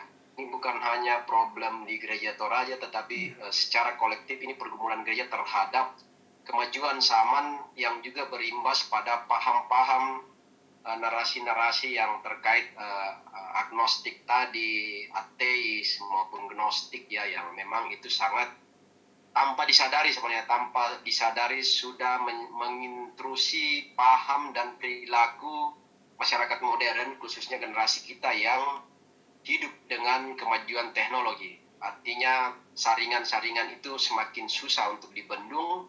Uh, bendungannya adalah bagaimana melakukan pemahaman terhadap uh, keimanan kita terhadap hal yang paling mendasar yang banyak ditanyakan tadi ya. Banyak yang uh, masih menjadi pergumulan juga uh, ternyata bahwa hal yang paling mendasar pun itu uh, masih dalam tanda petik menjadi kebingungan bagi warga jemaat sendiri. Sekali lagi terima kasih Pak Alex. Saya nggak menyimpulkan, biarlah diskusi kita tadi itu akan uh, berpulang. Baik. Dan tentu kita yakin roh kudus akan bekerja dalam setiap percakapan di seputar firman-Nya. Untuk itu dengan segala keterbatasan mohon maaf kalau ada yang kurang berkenan dan juga minta maaf kalau tidak semua terakomodir untuk menyampaikan uh, pandangan atau diskusi dan pertanyaannya.